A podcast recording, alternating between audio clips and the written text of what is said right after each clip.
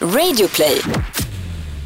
Alldeles strax så kommer eh, Sveriges mest uppburne sportjournalist eh, kliva in i Radioplay-studion och gästa Toto Balutto. Erik Niva, det har nog inte eh, så många missat. Det ska bli jävligt roligt, men innan han gör det så ska vi såklart eh, passa på att eh, uppdatera våra kära lyssnare hur det går för i knappkampen. Det är raksträcka nu. Mål, mållinjen är nära. Ja, mållinjen är väldigt nära men buken finns fortfarande där. Det, det handlar ju om att hela tiden liksom lägga in ytterligare en växel, att hela tiden ta det till det extrema för att eh, gå ner så här mycket i vikt som jag ändå måste göra för att komma i den här mediumskjortan som uh, Grand Frank tillsammans med dig Gusten har valt att, att jag ska göra. Gör jag det, ja men då bjuder vi 100 av våra lyssnare på en riktig superfest någonstans i februari. Eh, så jag vill ju eh, väldigt gärna för våra lyssnares skull lyckas med detta och jag har kämpat nu under hela december med vissa snedsteg. Det har varit någon kebab någon gång och det har varit någon julfest sådär. Men, men överlag så har jag svultit mig själv och eh, sprungit många kärlekskilometer ute i Rönninge. Eh, nu på upploppsrakan vet jag inte riktigt hur jag ska tänka. Idag har jag fortfarande inte ätit, klockan är eh, tre. Eh, så vi får se, jag kanske bara fortsätter, skiter i att äta och tar eh, en mil ikväll. Vi eh, ska bara... Finns det någon fara i det här så kan ju någon läkare höra av sig som på det. Men jag kör det. Vi ska i alla fall för protokollet bara fastslå att eh, tävlingen går i mål den 22 december. Då får vi svaret huruvida du går i den där skjortan helt okej okay eller inte. Eh, Grant Frank låter i alla fall hälsa att om man vill vara med att tä och tävla om outfiten värd 5000 spänn, då är det ju såklart innan den 22 december man måste lägga sin order. Mm. Ordern ska vara på 500 spänn eller mer för att rabattkoden TOTOBALUTTO ska generera 15% rabatt och Topdog Olof låter hälsa att placerar man sin beställning idag, måndag 19 december, så hinner man få grejerna innan jul. Men Oj. det är sista dagen. Okay. Så att eh, vill man inhandla julklappar så är det bråda tider. Mm. In på grandfrank.com och eh, shoppa loss jävligt snygga grejer. Den här klockan Mm. Den har man ju fått eh, många tummar upp för. Ja, den är fin. Kan jag säga. Dessutom så eh, inledde vi ju Toto-trippen i och med förra avsnittet och eh, du eh, inledde väldigt starkt. Ja, det är ju så skönt att sätta den här första trippen Gusten. Ja, men självklart för förtroende, för, förtroendet då från eh, våra lyssnare eh, inför fortsättningen och rygga fler tripplar. men också i tävlingen mot dig. Det är ju så att den som förlorar Eh, Eh, det handlar ju om vem som vinner mest pengar helt enkelt. Och den som förlorar får bjuda mig eller dig på en fet skaldjurslunch med eh, champagne och vin och alltihopa. Och också en plus en av våra lyssnare. Och hur gör man för att vara med då och, och tävla om den här skaldjursmiddagen? Ja, då ryggar man ju en av våra tripplar, eller båda, och eh, skickar in sin screenshot i hashtaggen Tototrippen så kommer eh, Betsson att eh, lotta ut de vinnande platserna, eller den vinnande 1 plus 1 platsen. Dessutom är det så här att om man är med och ryggar en av våra tripplar då är man med i den tombola som genererar 50 stycken officiella matchtröjor från de stora ligorna i Europa och allsvenskan. Så att eh, Ska man vara med och tävla om de tröjorna så räcker det bara med att eh, lägga en, eh, en trippel, en Toto-trippel. Och de här Toto-tripplarna hittar man i eh, slutet på veckan när det börjar nalkas helg. Nästa Toto-trippel kommer ju handla om Boxing Day, alltså måndag den 26 december. Och då hittar man våra tripplar under flikarna godbitar och boostade odds. Men det här kommer vi såklart hjälpa er med att hitta mm. i eh, nästa avsnitt. Mm, häng med eh, i hashtag eh, Toto-trippen i alla fall och det känns skönt att ha fått vind i seglen. Ja, jag var jävligt nu. nära måste jag säga också. I min trippel så saknades Nära ett... skjuter ingen hare. Så är det ju, men i min trippel så saknades det en Arsenal-kasse och där gör ju faktiskt Arsenal 1-0 mot City efter fyra minuter. Så jag hade ju gott hopp ja. om att de skulle kunna lösa den där. Eh, men fem av sex totalt i våra spel eh, får ju ändå anses som en eh, godkänd start. Ja, men det får det helt enkelt göra. Så grattis till alla som har ryggat då, återigen. Och ni som inte har gjort det, häng med nästa vända. Hashtag Tototrippen. Screenshotta då ert spel från Betsson så är ni med och tävlar om inte bara matchtröjan utan för all del också den här härliga skaldjursmiddagen som vi ska ha tillsammans och som jag hoppas Gusten ska få betala. Nu ska vi inte hålla er på halster längre. Kim Wirsén, rulla igång introt. Det är dags för Toto Baluttos 34 avsnitt. Vi gästas av ingen mindre än Sveriges bästa sportapp, Erik Niva. Andiamo!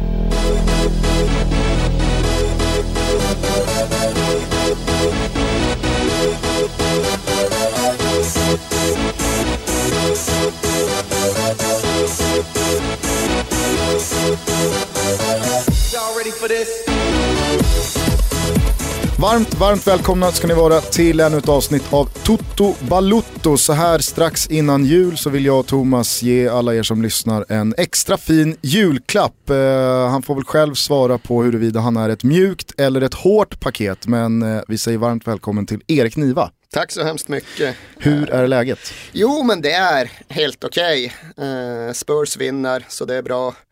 Sjukdom i familjen, det är väl mindre bra. Det är väl de sakerna som har påverkat mig det gångna dygnet. Så det är de jag väger in i julekvationen. Mjuka eller hårda paket? Ja, så jag får väl lov att vara ett hårt paket. Besvikelsen i att det är jag som är julklappen som erbjuds. Den är ju stor bara i sig. Så ska jag dessutom komma i en mjuk form, då blir det ju dubbeldeppigt. Så man vill ju ha hårda paket, så jag kan i alla fall erbjuda något hårt. Sen att innehållet är lite löddrigt, det får folk leva med. Hur mår du Thomas? Bra, eh, ungefär i samma veva sådär, eh, förutom då fotbollsglädje för mitt eh, Fiorentina förlorar. Eh, och sen så är det lite sjukdom i familjen och sen så är det dessutom en vecka före jul och med småbarn precis som eh, Erik har också så är det ju stökigt i den här tiden. Eh, fullt tryck på Fotbollskanalen som det hette på, ett annat, på en annan plats en gång i tiden. Dessutom har väl du nu strypt kaloriintaget de sista tre dagarna? Ja, och jag måste verkligen göra det för att komma i den där skjortan. Så att, äh, det, det, det är bara att kriga på. Eh, vi tycker att det är skitkul att eh, Erik är här och gästar oss eh, och vi ska väl redan nu flagga för att eh, Erik kommer komma tillbaka i det först, första avsnittet 2017. Så att om ni nu känner att fan vad kort det här avsnittet blev om ungefär en eh, knapp timme så sitt i båten. Thomas, eh, först bara berätta om din och Eriks relation, hur känner ni varandra? Eh, jag träffade Erik första gången på fan-tv när vi gjorde Eurotalk. Och eh, under den perioden så, då gjordes det inte så mycket webb-tv. Alltså, den webb-tvn som gjordes var i stort sett eh, Eurotalk som handlade i alla fall om internationell fotboll. Som eh, var väldigt mycket min grej och som såklart då är Eriks, Eriks grej. Så vi, vi satt mycket och där, på den tiden så var det ju lite så fokus i Eurotalk eh, på olika ligor. Så jag satt ju där väldigt mycket och pratade om italiensk fotboll. Och Erik pratade om eh, all fotboll, men, eh, men det var där vi träffades första gången. Saknar du eh, att ha Thomas Wilbacher frekvent i ditt liv? det gör man väl, men han dyker upp där minst, när man minst anar det. Eh, man sitter där med morgontidningen hemma en dag så är Thomas Wilbacher framme och gör något politiskt utspel under eh, valkampanjen. Så han tenderar ju att dyka upp eh, på ett eller annat sätt. Ja just det, du dök upp i DN på stan, eller var det Svenska ja, Dagbladet? Nej, det var DN måste det ha varit. Det var DN. Och det var nog fan inte på stan, måste ha varit ekonomidelen. Och du kom ut som miljöpartist eller? Vad? Ja, egenföretagarnas villkor var han ute och dundrade om. Ja, jag, jag, jag förstod faktiskt ingenting riktigt. Eh, det var en kollega på Sportexpressen, Nicolins eh, eh, pojkvän, som stannade mig nere i Vinterviken, nära där Erik bor också, eh, och eh, började prata politik. Och jag ska, jag ska ärligt eh, säga att jag, jag, jag var i alla fall då inte jätteinsatt och det var ju valdagen så jag försökte liksom låta klok eh, men när jag fick tidningen och läste igenom så insåg jag ju att nej, jag gjorde bort mig rejält. Ja, det var ju ett utspel. Ja. Du gick ut mitt under brinnande valrörelse och tog ett jävla utrymme i Sveriges mest inflytelserika dagstidning. Du jag trodde det skulle vara den politiska agendan där och då. Det var så roligt. Jag trodde att det skulle vara sådana rutor, små rutor du vet. Du frågar fråga, så, så här, ja, två frågor liksom. Och så blev det första sidan med mig och familjen och nej det var För att sy ihop uh, Eurotalk-referensen så håll dig till Italien. ja det är sant. Alltså. Håll dig till Italien. Eh, hörni, ni vet hur vi brukar inleda avsnitten när vi föräras med en gäst. Eh, vi ska inte gå ifrån ett vinnande koncept utan Erik, du får helt enkelt eh, skjuta från höften när du hör frågan. Fullständigt namn? Erik Magnus Niva. Var kommer Magnus ifrån? Du, eh, bra fråga. Erik vet jag vart det kommer ifrån. Det var en eh, i första hand en gammal släkting till mig som var stridspilot eh, och förolyckades i anslutning till andra världskriget. Så det har jag i alla fall någonting att komma med. Magnus har jag däremot ingenting alls att komma med. Ålder? Fyllde 38 häromdagen, fick skit bara igår för att jag sa att jag var 37. Var tvungen att tänka efter och insåg att jag faktiskt hade fyllt 38. Grattis efterskott. Tack. Grattis. Vilka språk behärskar du? Eh, jag kan svenska och engelska och alldeles för dålig tyska. Eh, jag är ju numera i ett läge i livet där man faktiskt pratar skolgång med sin äldsta son ibland. Och jag säger till honom redan nu det som jag säger till alla andra som frågar om min skolgång. Det enda jag ångrar var ju att jag inte hade vett nog att läsa språk på ett eh, bättre och mer ambitiöst och mer genomtänkt sätt. Jag satt av sex år tyska och har ju någon form av bas. Jag kan göra mig förstådd på tyska, jag kan läsa en tysk tidning men jag kan inte konversera bra på tyska. Och det är det. Så jag hoppas någonstans att Hugo kanske kan få vett och intresse nog för att läsa både ett och två språk mer än vad jag gjorde. Det här är det säkert inte någon som har missat, men det kanske finns någon lyssnare där ute som har slaggat under en sten. Vilket eller vilka lag håller du på? Alltså jag håller ju egentligen enbart på Tottenham Hotspur. Det är det enda jag bryr mig om på ett sätt som påverkar mig. Sen har jag ju även min eh, egen uppväxtklubb, Malmbergets AIF, men ni vet det är hårt där uppe i norr så vi har ju inte ens kvar ett representationslag längre. Vi har istället blivit en så här förhatlig hybridklubb där A-laget har gått ihop med absolut värsta rivalen Gällivare SK. Och det är klart att det förtar ju en del av engagemanget. Så Malmbergets AIF finns väl mer kvar som någon form av koncept snarare än att jag aktivt bryr mig om den nya varianten. Vilket namn eh, seglar de under nu då? Eh, Gällivare Malmbergets FF eh, och har ju avancerat någon division. De är väl uppe i det som är division, nu ska jag fan inte säga fel här men det finns risk att jag gör. De är tvåan eller trean norra Norrland mm. och det ska ju i ärlighetens namn säga att eh, norra Norrlandsserierna är ju inte riktigt lika slagkraftiga som vissa av storstadsserierna. Nej, man brukar väl kunna säga att man kan plussa på minst en serie ja, för att hitta en, en Stockholmsnivå ungefär. Det är nog rätt lågt räknat, i alla fall när man bara kommer ner lite grann. Nu tror jag inte vi har division 6 längre men det var det lägsta när jag spelade där uppe och den sexan var inte som Stockholms sexa Blandat. kan jag meddela. Ja, det var fan inte blandat ens en gång, det var bara dåligt. Eh, sen kan jag bara lägga till till frågan att jag dessutom har en klubb i stort sett varje fotbollsnation som jag på något sätt sympatiserar med. Men det är ju sånt här som jag liksom har lagt mig till med på ett intellektuellt sätt i vuxen ålder när jag har begripit vad klubbar står mm. för och vad klubbar har för identitet. Och det funkar i teorin att man bryr sig om en klubb för att man gillar vilka de är. Men det funkar inte emotionellt. Jag bryr mig inte. Det påverkar mig inte hur det går för de här klubbarna. Vi kommer att återkomma till det där. Vi har fått in väldigt många bra och vettiga lyssnarfrågor som just berör... Otroligt mycket frågor. Ja. Fullt eh, tryck på Fotbollskanalen, en fras jag gillar att slänga mig med. Ja, men som eh, har berört just det där. Men okej, okay, eh, det är Old School Malmberget och eh, Spurs. Budade hem två Malmbergets AIF-klubbnålar på Tradera bara häromveckan. Det kan inte kostat många kronor. Nej, det blev inte skitdyrt. Det blev det faktiskt inte. Tror jag fick två för 62 spänn inklusive frakt. jag var och hämtade en... Eh... I Musikhjälpen-tider. jag var och hämtade en gymnastikdräkt till min äldsta dotter. Eh, på eh, ja, en, i en sportbutik där klubben liksom, eh, hämtar sina prylar hos. Då fick jag en, en pin från Rönninge Salem Fotboll som också har gått ihop då med, med värsta rivalen. Det har vi gemensamt, Rönninge och Salem. Vilken är din, är du Rönninge eller? Jag är Rönninge. Okay. Jag är Rönninge. Vad heter han domaren som kom från Rönninge? Eh, precis, eh, vad han heter. Vi, vi, har ju några andra så med fotbollskoppling. Kefa Olsson som kom, eh, från, gick från Rönninge efter vi hade vunnit Nike Cup direkt till Djurgården. Är det ett svek eller? Att lämna efter Nike Cup?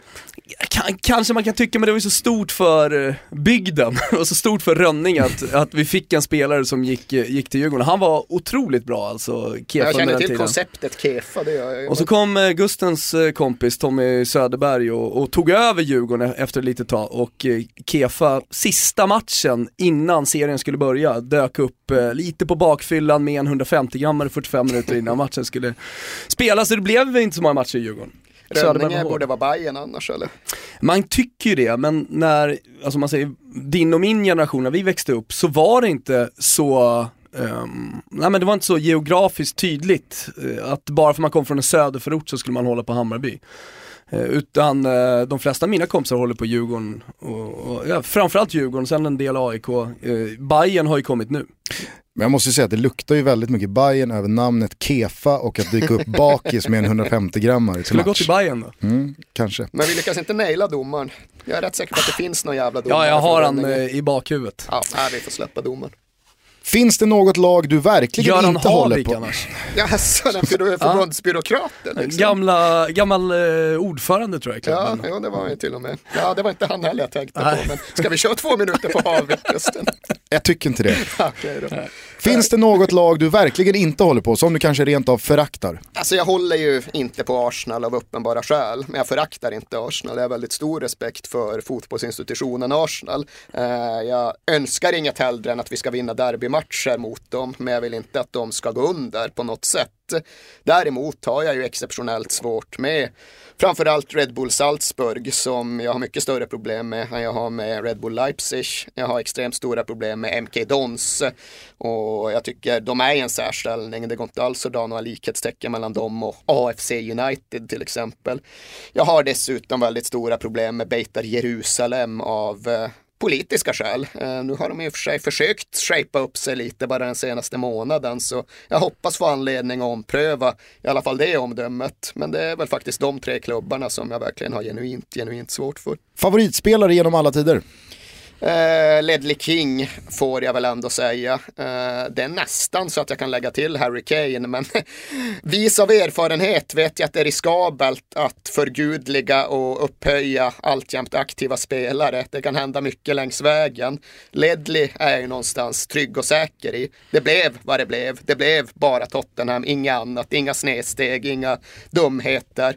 Några fyller på krogen, absolut, men det förtar ingenting. Så Ledley är jag ju trygg med.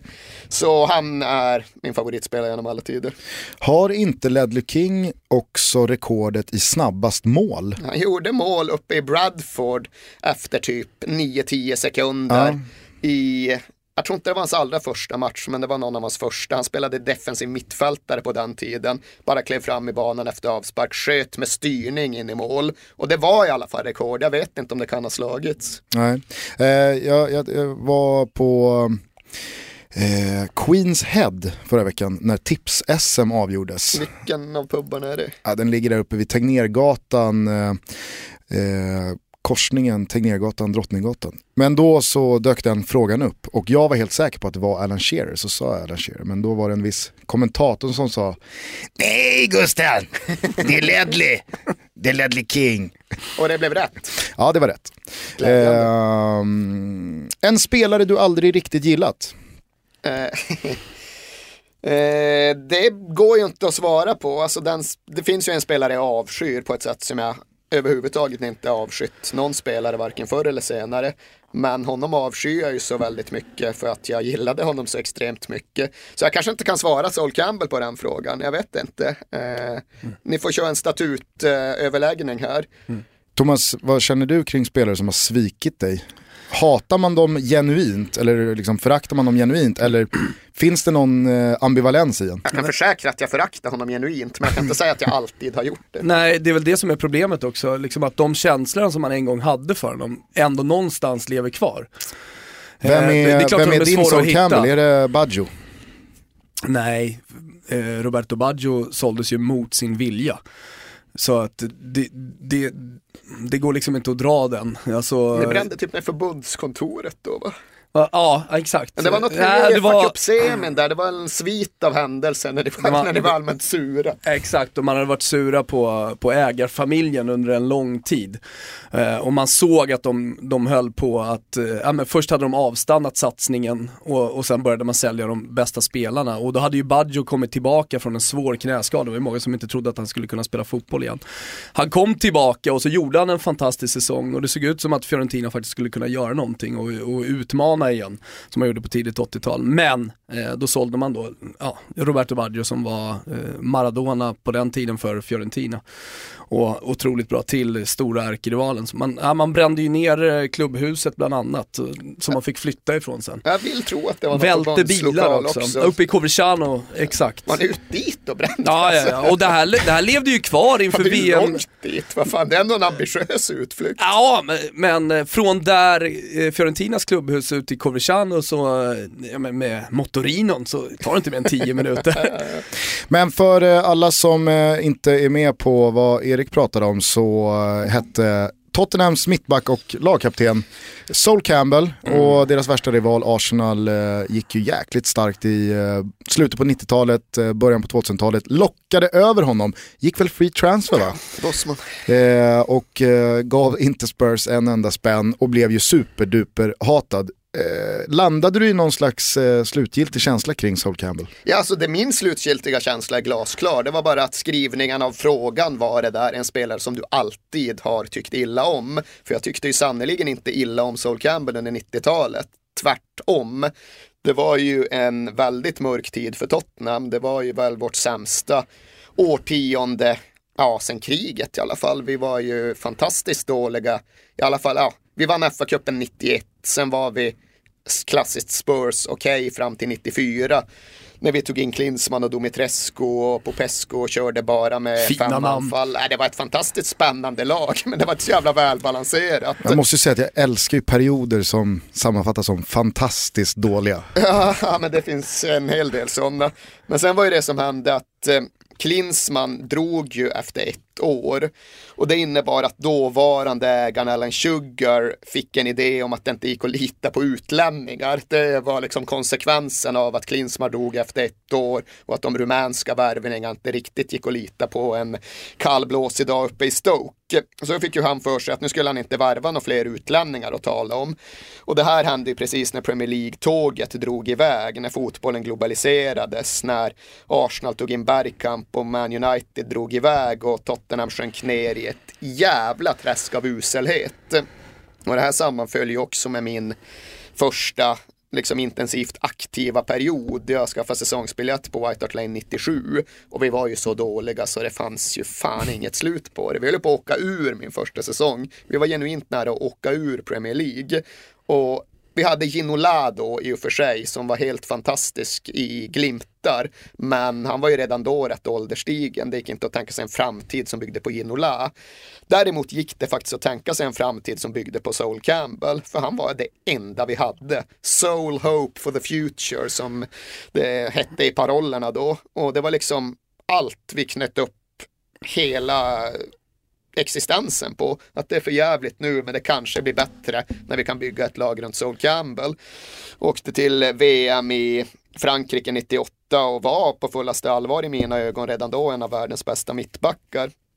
Och vi liksom hade ju bara det. Arsenal blev ju bättre och bättre. Wenger kom, de vann dubbel 98 de vann titel på titel. Men vi hade i alla fall Sol Campbell. Det var liksom det enda vi kunde klamra oss fast vid. Och sen går han som bossman till Arsenal efter ett helt långt jävla år då han har givit löfte på löfte på löfte. Ja, men jag ska stanna, det är lugnt. Nej, Tottenham-fansen behöver inte oroa sig. Skulle jag någon gång lämna Tottenham så blir det såklart en av klubbarna i utlandet. Mm. Och det var inte så att han saknade alternativ. Liksom, skulle han gå som bossman hade han kunnat gå till vilken klubb i världen som helst.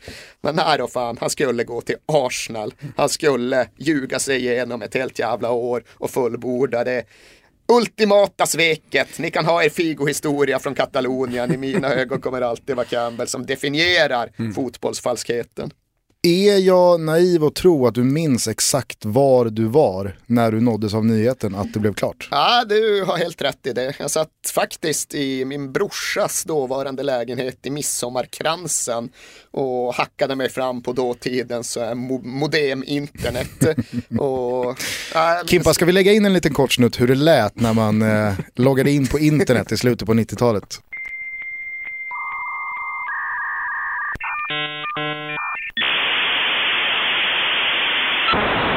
Tror du att eh, det på något sätt har påverkat ditt supporterskap att du när, du, när du kom ner och började följa Tottenham på plats, köpte säsongsbiljett sådär, att, att det var under en ganska mörk, eh, tråkig tid? Ja, det har det ju. Och jag kan inte riktigt svara på hur, för jag kan inte riktigt överblicka det själv. Men det var ju verkligen så att mina jag tror att det gäller mycket i livet. Liksom. Det som händer mellan sig 16 och 26 är på något sätt jävligt definierande. Mm. Det är klart att barndomen formar en också mycket men de där åren tenderar att forma en på ett sätt som gör att man nästan stelnar i det sen. Mm. Jag tycker fortfarande att den musik jag lyssnar som mest på i 20-årsåldern är den bästa musiken. Jag tycker fortfarande att den fotboll jag såg då är den fotboll som har satt djupast spår på något sätt. Mm. Så det finns ju där. Och sen finns det ju också hela den där liksom supporta i motvindsgrejen, att den har blivit så ännu mer central mm. i min egen supporter självbild. Att eh, det ska vara tufft och det ska vara ett mm. jävla lidande och det blir ju lätt att man ådrar sig någon form av martyrskap för nu har ju Tottenham varit helt okej okay, för att inte säga direkt bra i fan tio års tid. Och det gör ju att jag kan förstå att en Newcastle eller en Leeds-supporter som hör mig sitta och gnälla om Tottenham tycker att eh, det är en jävla mm. offerkofta. Mm. Men det är fortfarande jättestarkt i liksom min självbild som supporter att Eh, vi är usla, vi kommer aldrig åstadkomma någonting. Så fort vi står på tröskeln till något bra så kommer vi hitta ett sätt att få det att gå åt helvete.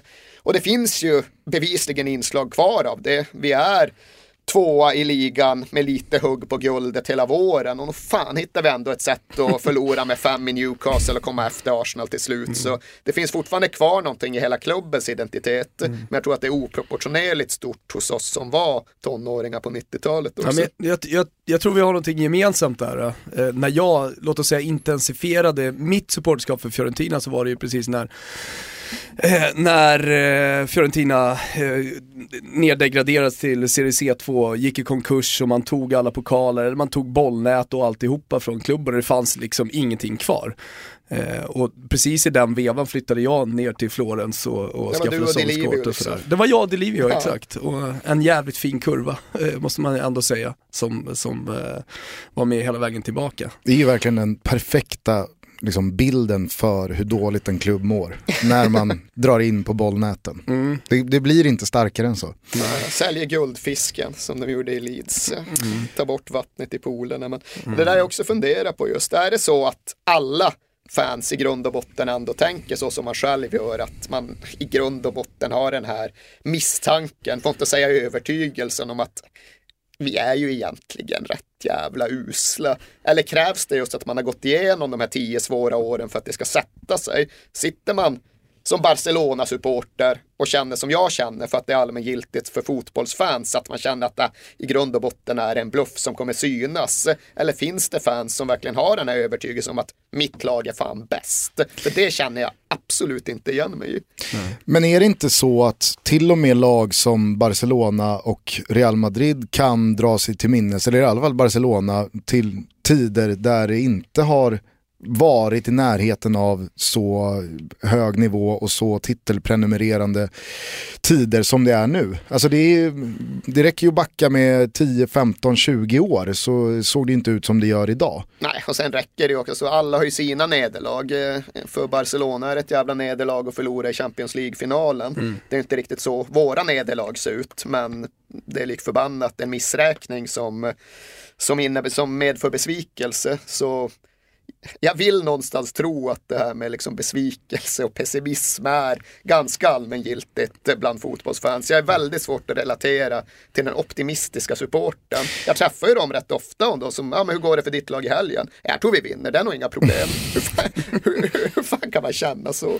Ja men det finns ju kanske någonting, eh, alltså väldigt härligt i också att det, det, det inte riktigt går. Alltså att nästa, nästa år, då har vi chansen igen. Ja. Ja, men jag satt senast i, i lördags, återigen, Juventus borta. Så den här matchen varje år när man, det, det går upp för en än en gång att vi är ju inte i närheten. Mm. Det kommer inte gå.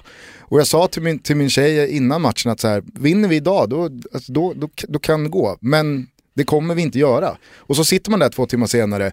Nu skrevs siffrorna bara till 1-0 och vi hade absolut kunnat kvittera i slutet på matchen men det hade ju varit mer eh, rättvist med 2-3-0 till Juventus. Och så sitter man där och undrar, satt jag här på riktigt för två timmar sedan och trodde att det här skulle gå på något annat sätt? Ja men självbedrägeriet är ju helt centralt mm. och det är ju alltså jag vet inte om det är allmängiltigt, men jag kan ju verkligen känna igen mekaniken från den tiden man var ute på byn och ställde till oreda som allra mest. För då satt man ju efter varje helg, varje måndag och summerade tillvaron och konstaterade att man fan aldrig skulle ut på byn igen. Och sen närmade sig fredag och då fan var man där. Och det är lite samma cykel i fotbollen. Man mm. inkasserade nederlaget och då ska man minsann aldrig börja hoppas igen. Men nog fan sitter man där och hoppas igen när det närmar sig helgen. Mm. Intressen utanför fotboll? musik Musik är väl det jag fortfarande verkligen betecknar som en hobby. Annars blir det lite problematiskt det där med att ha kvar intressen när man jobbar med sitt största. Men musik är en hobby och sen är jag ju liksom, ja men jag är, jag är allmänt samhällsintresserad, jag är intresserad av eh, liksom geografi och politik och kultur i någon form, även om min tolkning av begreppet kanske inte är den traditionella. På tal om eh, musik, jag vill minnas att vi satt i något Eurotalk någon gång tillsammans och du hade precis kommit tillbaka från konsert det var i alla fall uppe i Norrland, jag kommer inte ihåg vilken stad det var i. Där du, du var rejält mörbultad. Det pratades om att du hade hoppat uh, stage-divat från scen och sådär. Ja, det stämmer Minns du det? Alltså, jag... Eller, eller är, det, är det normal, alltså, eller standard på konserter? Det var ju standard en gång i tiden ja. när man var i The Pit The Mosh Pit som vi benämner den röriga delen av en punk och hardcore-spelning. Men jag är inte så jävla ofta i pitten nu för tiden så jag misstänker att det här kan haft att göra med det året då Refused, eh, banerbärarna för Umeå Hardcore, ringer en klocka. Hade någon form av comeback-vända, för då var jag ju lite för ofta i pitten mitten i lite för hög ålder, vilket fick lite för stora konsekvenser. Jag knäckte ett revben när de spelade på Debase Medis eh, våren 2012 och gick runt med sprucket revben i en månad som konsekvens Då är ändå sonen tre år. Jag vet. Så det kom till dagis där. Alltså det var precis det. Komma hem och försöka förklara för en treåring som ju förstår saker ja, men ändå inte förstår saker. Nej, pappa kan inte lyfta det för pappa har varit på rock'n'roll liksom liksom, vad fan är det? Nej, det var inte bra. Ge det 13-14 år så ja, kommer du förstå. Ja, då, vi får hoppas på det. Annars känns det ju som att eh, de där eh, sakerna du rabblar upp här, musik, eh, samhälle, geografi och sådär. Eh, är det att du hintar lite om att du lyfter På spåret-bucklan?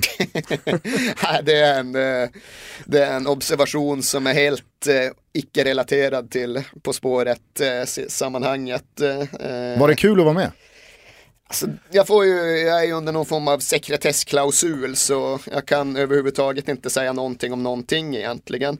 Det jag kan säga, och det är överhuvudtaget inte knutet till inspelningarna eller hur de föll ut, men det var att jag hade en period just före inspelningarna när jag kände att fan vad jag har felbedömt det här.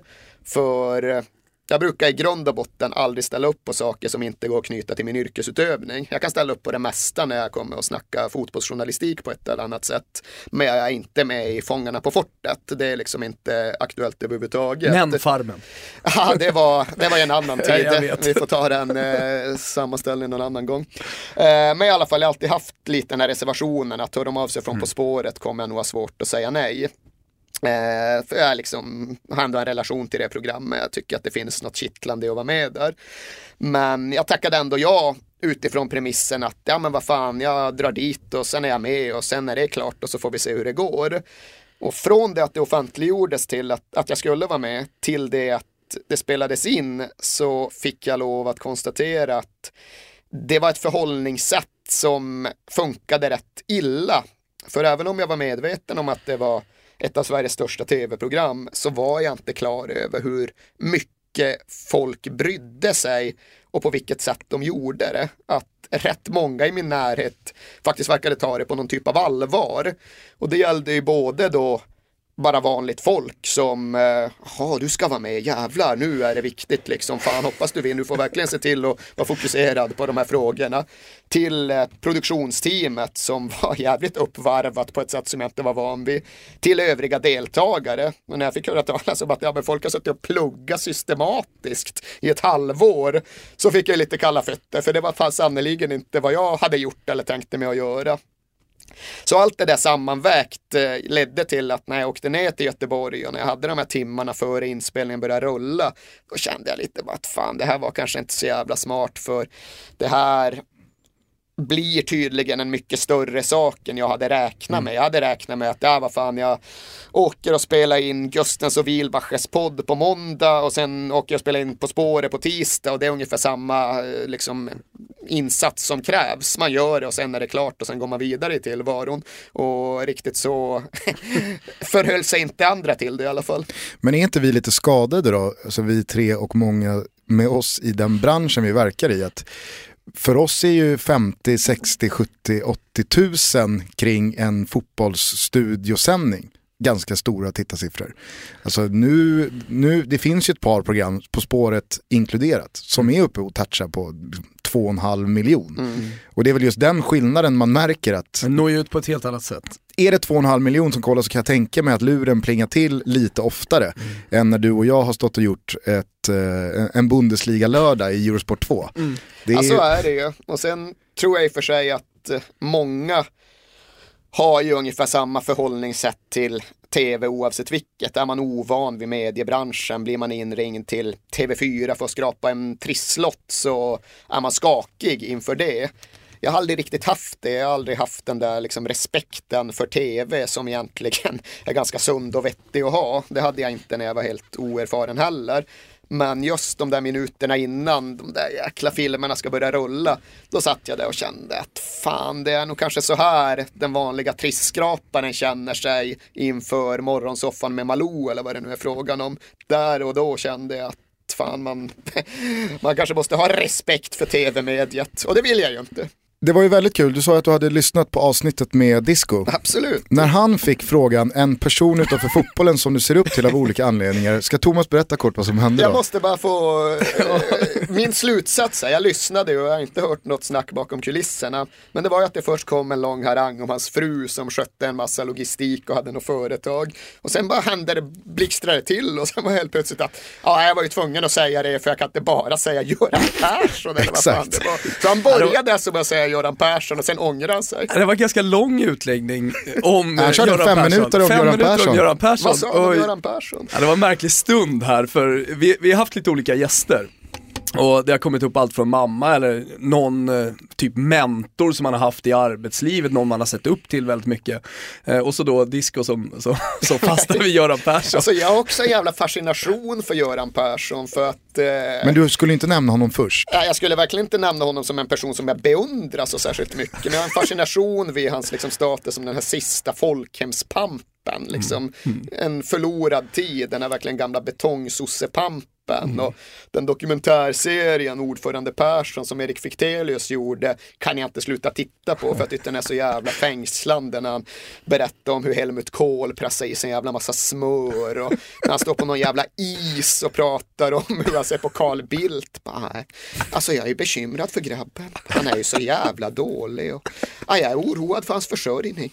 Erbjöd honom posten som generaldirektör för Luftfartsverket. Mycket attraktivt för en teknikglade, men inte.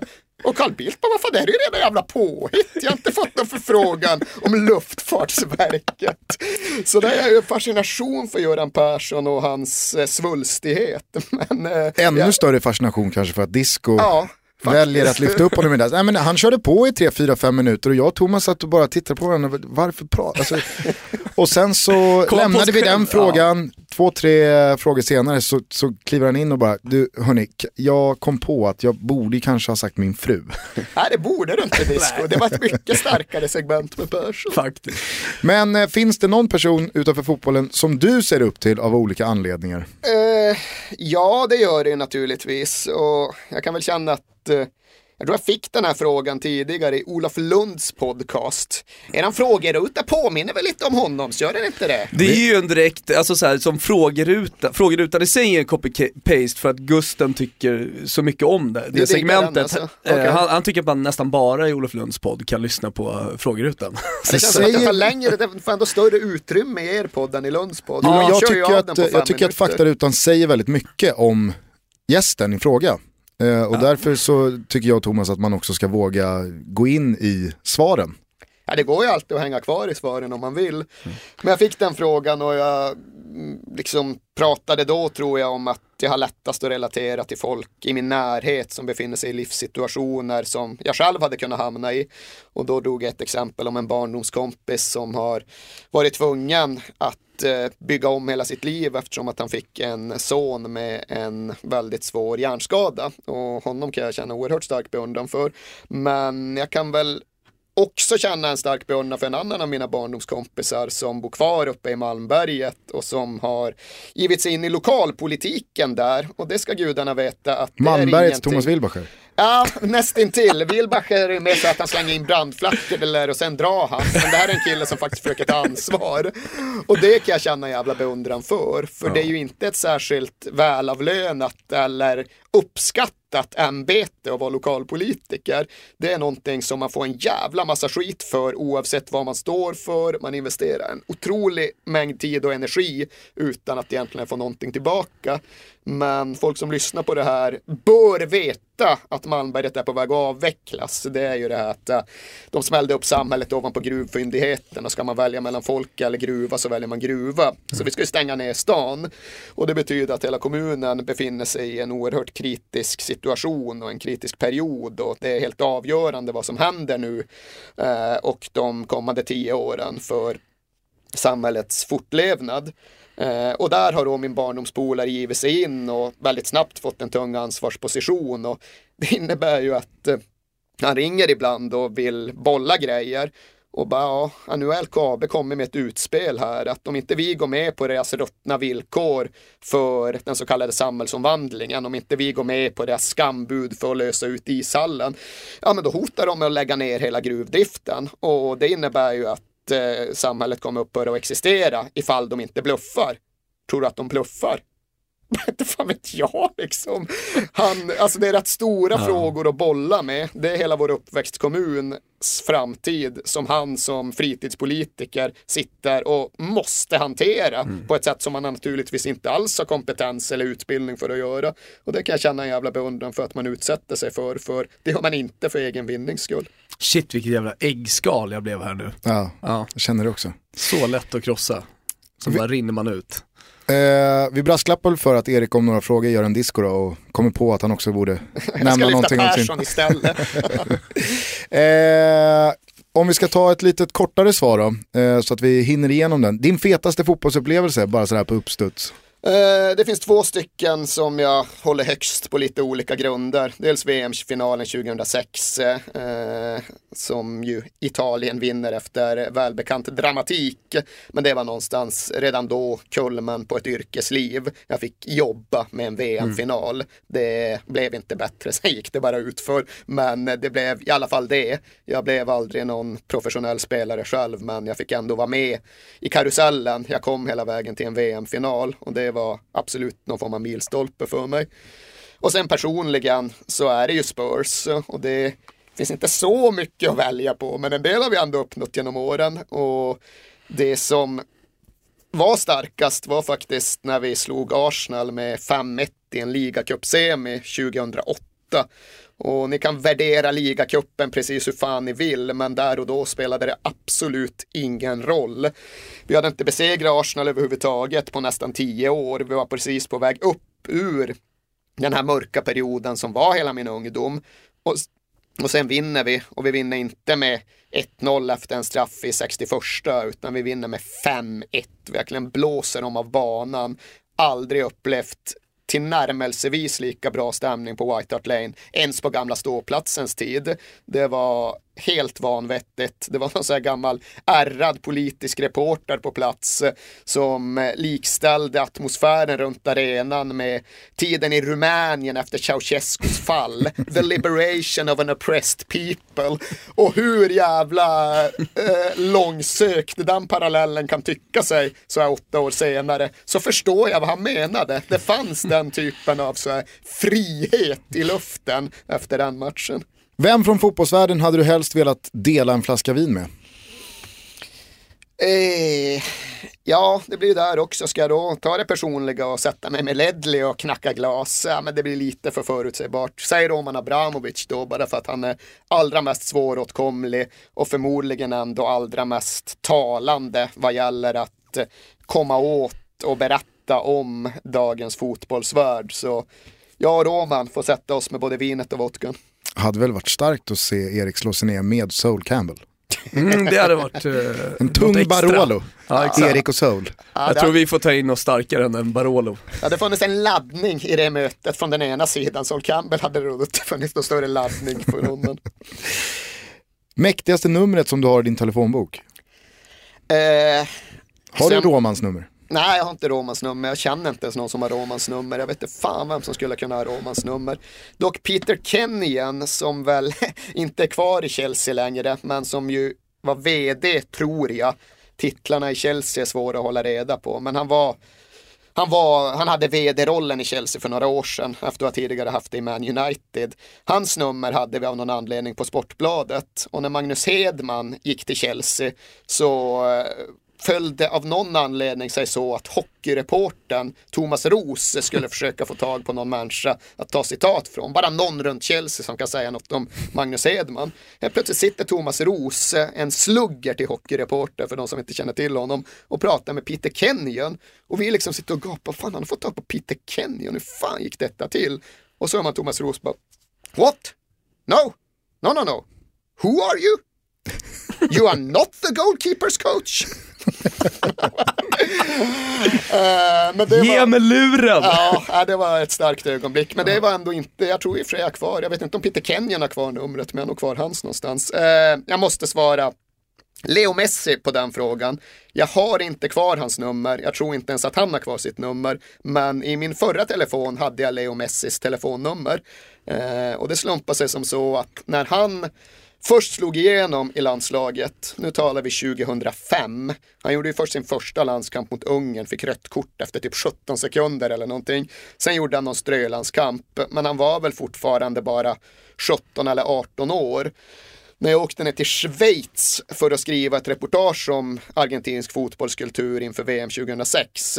Argentina och England möttes i Genève och jag bodde på det argentinska spelarhotellet. Och där var det liksom avslappnat. Spelarna fanns i lobbyn, man gick runt och snackade med spelarna.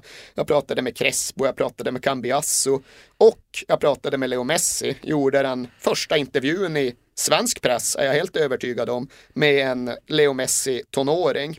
Finns och, den på nätet? Ja, den finns i ett gammalt reportage i numera avsomnade Sportmagasinet. Mm. Vi hade ett månadsmagasin i 6-7 eh, år på Aftonbladet. Och där publicerades den artikeln om argentinsk ja, Det var riktigt bra där, när det kom så var det var, super, jag läste varenda... Det var ju där jag kom in i branschen, jag fick mm. ju praktikplats på Sportmagasinet från Journalisthögskolan. Så jag ägnade ju 5-6 år åt att skriva långa jävla texter mm. åt dem, det var fantastiskt. Eh, men i alla fall, efter att jag hade pratat med Messi och det var inget särskilt med den intervjun, det var fem minuter. Det var någon fråga om Henke Larsson som jag än idag ångrar om att, att jag ställde. Jag borde ha kunnat ställa en lite spänstigare fråga än så. Men det var lite i och för sig, det var Picardia Argentina som vi pratade om, någon form av argentinsk hårdhet som Messi också hade i sig. Men efter det så gick han och snackade med en argentinsk journalist och jag hängde kvar och liksom, jag stod och spelade in den intervjun också bara för att man vill ha så mycket Messi-material som man någonsin kan. Och när de har snackat klart så pratar jag, ja vad fan, hur får man tag på dig när du är hemma i Barcelona då Och det vore ju schysst om vi kunde ha lite kontakt fast att jag sitter i Argentina. Och Messi bara, ja ja för fan det är lugnt, du kan ringa, mm, du är en bra kille så ta mitt mobilnummer. Snackar, ger den här killen sitt mobilnummer, gå in på min diktafon också. Det är klart att jag lyssnar av det och lägger in Leo Messi i telefonboken.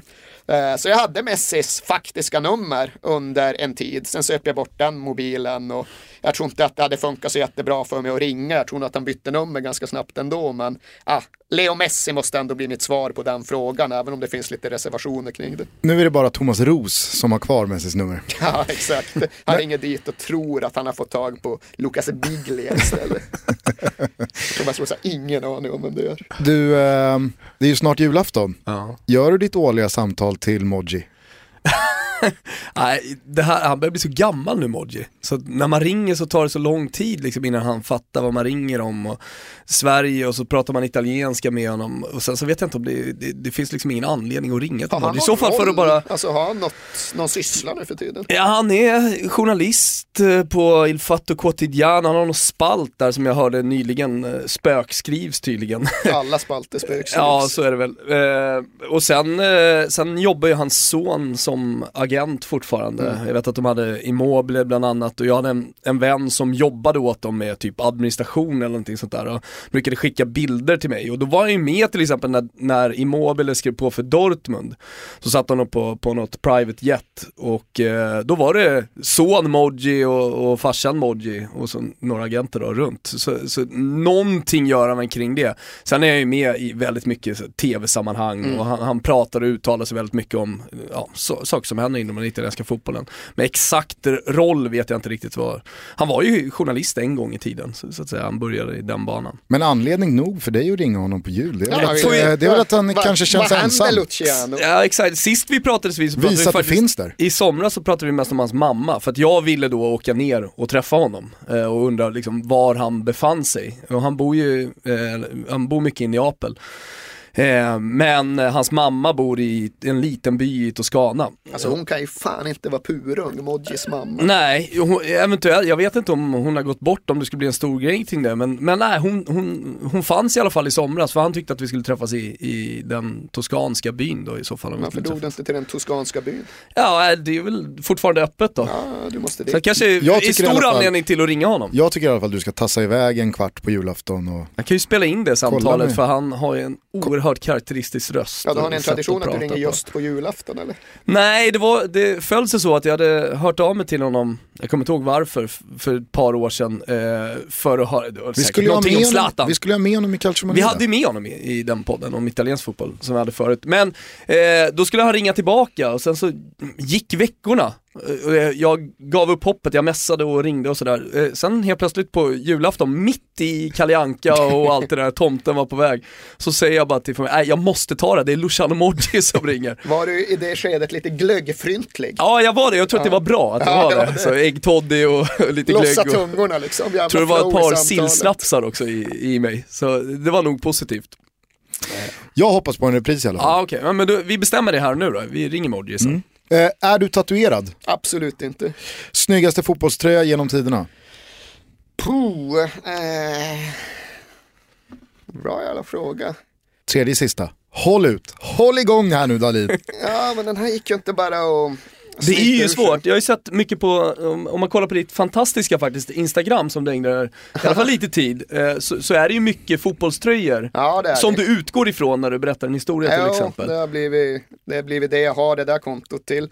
Eh, men jag har ju en annan syn på estetiken, kanske många andra. Eh, Exakt, det är väl inte de Många det är, väl, det är väl inte de snyggaste Nej, tröjorna som dyker upp under hashtag söndagsskjortan? ja, den hashtaggen är död. Det var, det var aldrig en hashtag, det var bara ett koncept jag använde i en månad eller något för att sätta grejen. Sen är söndagsskjortan avskaffad som sådan. Okej, okay, på Erik Inst Eriks Instagram i alla fall så kan man varje söndag ja. eh, se dig posera i en tröja med en historia, äh, som det så fint brukar heta. Man bara fråga kring det, är det på hemmaplan du är då? Ja, det är det i stort sett alltid. Det är lite det där vill jag ska inte överdriva när jag pratar om min ambitionsnivå kring det där, men det är väl lite så att jag vill inte bara ställa upp mig framför samma vägg vid precis alla tillfällen, mm. utan man försöker göra någon liten ansträngning för att hitta en halvt ny miljö att ta en bild i. Och så jävla många miljöer har vi inte hemma. Så det blir ju ibland bara, äh, vad fan måste man gå ut och ta en bild, det är kallt. Har du utnyttjat muggen?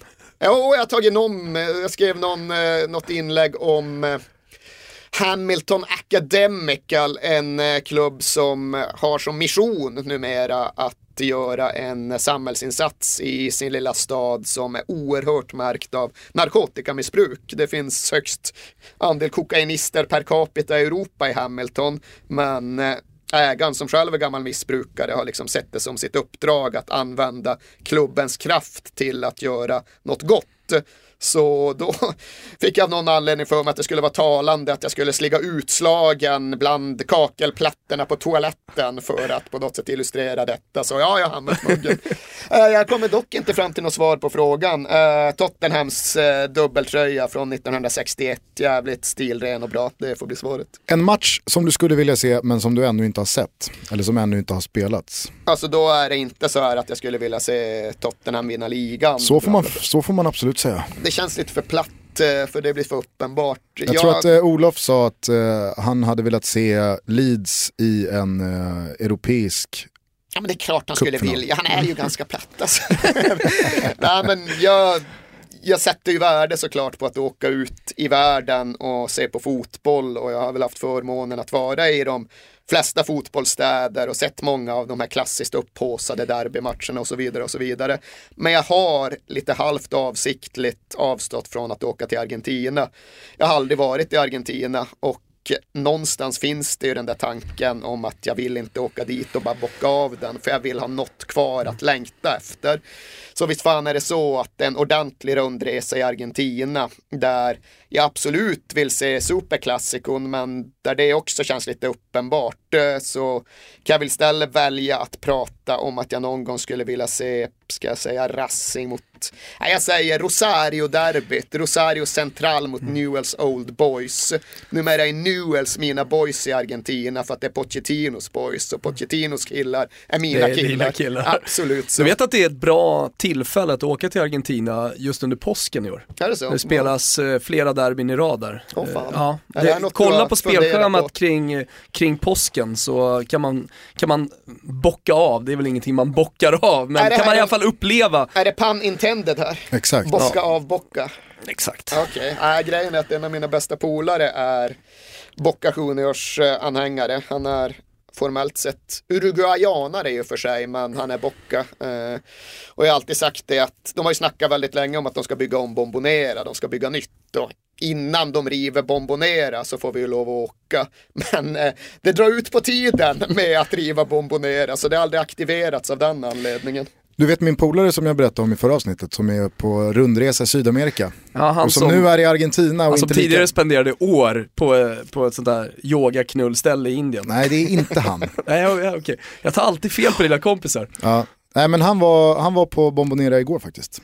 Ja, det var mot Colón va? Mm. Tevez gjorde mål i kanske hans sista framträdande på Bombonera. Han sa att det var fantastisk stämning. Förtjänar din polare den här upplevelsen? Ja, men det tycker jag ändå att han gör. Det är ju annars någonting i folk som bara är liksom så backpackers som bara drar runt. Jag råkade vara på den matchen. Exakt, de förtjänar ju det inte. Nej. Men om, om du går i god för den här snubben så är det gott nog för mig. Hade yogakillen förtjänat det? Nej, han har nog snarare det här flytet att råka vara på plats ja. och sen så stör man sig som fan på det. Det är den värsta jävla sorten. Ja, alltså. ja verkligen, verkligen. Jag har en bra polare, en av eh, de Spurs-polare jag är kompatibel med. Det är ju annars väldigt svårt att hitta någon eh, som förtjänar att se på Tottenham tillsammans med för man har alltid ett annat förhållningssätt. Men en kille i min egen ålder som eh, formades under samma tid och som också bodde i England under de mörka åren.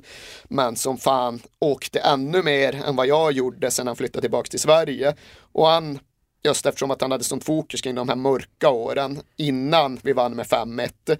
Han har så här typ 30 19 derby mot Arsenal tror jag. Noll segrar. Han förtjänar en vinst snart. det tycker jag verkligen. Sista frågan.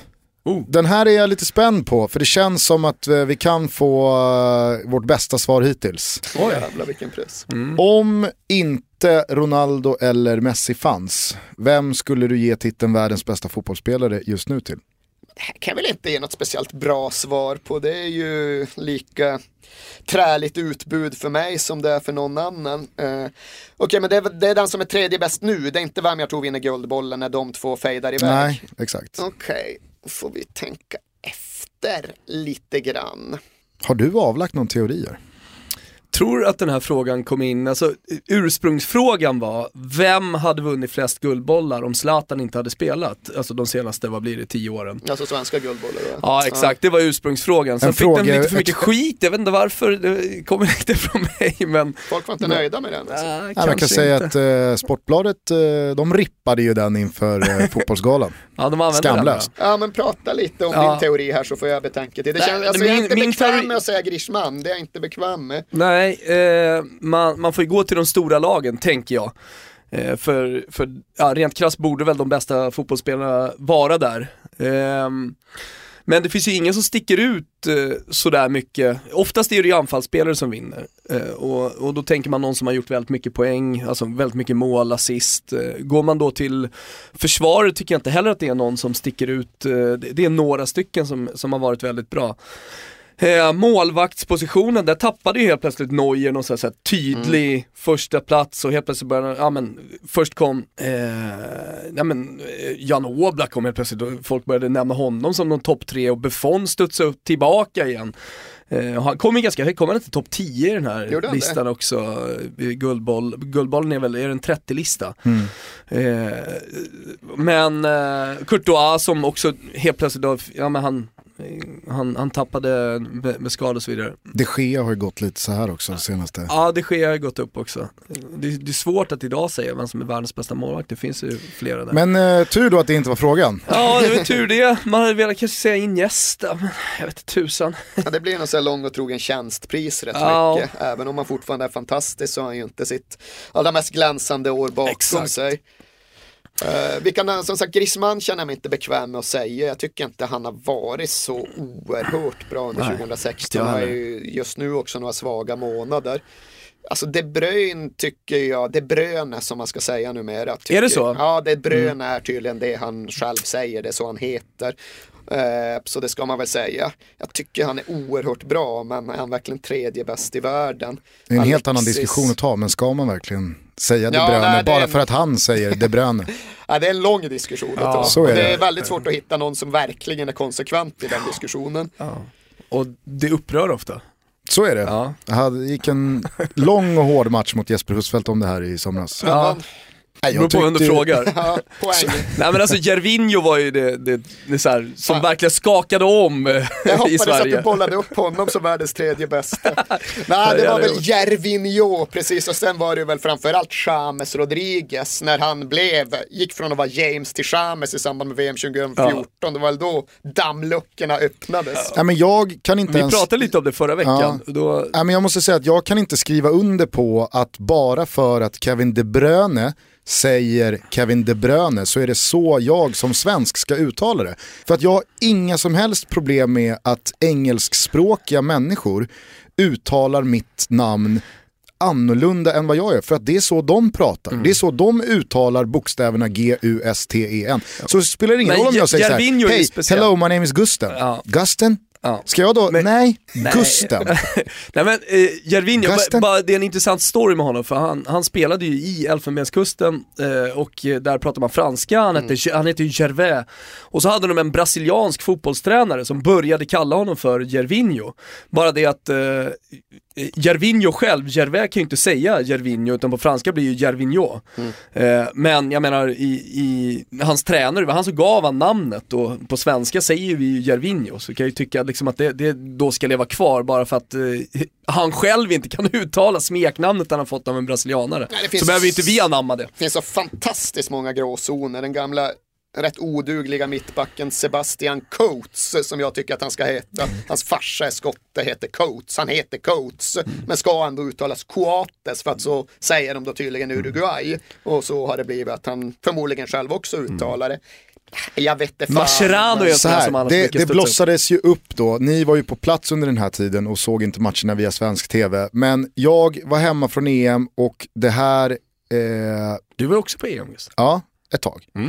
Sen kom jag hem och så ser jag Slovakien spela och där så uttalar Jesper Husfeldt för första gången i svensk tv eh, Skertels namn annorlunda och det blir en storm. Att varför säger Husfeldt Skrtel? alltså typ.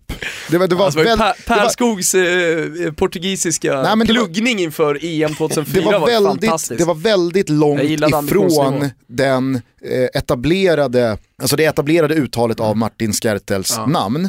Så att det blev väldigt många reaktioner, Soran Ismail drogs in i det här och jag hade liksom inga problem med att Jesper har en jättehög ambitionsnivå och vill uttala namnet så som man uttalar det i en del av Slovakien.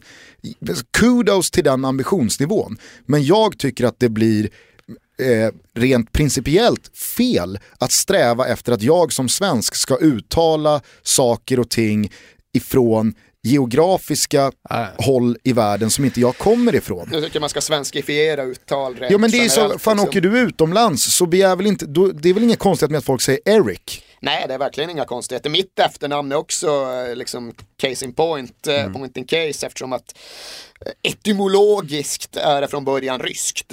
Kom från Ryssland, hette Niva i Ryssland, kom till norra Finland, rörde sig västerut. Norra Finland blev det Niva kom från norra Finland till Tornedalen, fortsatte vara Niva, gick från Tornedalen till Malmfälten, gled över och blev Niva igen. Jag Hur var det för dig då? Liksom. Det var hela tiden Niva? Jag har alltid hetat Niva, absolut. Mm. Men om jag bara åker 10 mil österut, kommer ner till Tornedalen mm. så blir jag tilltalad som Niva. Mm. Och jag får fortfarande liksom folk från Tornedalen som kanske heter Niva hör av sig och säger att fan ditt namn uttalas ju konsekvent fel.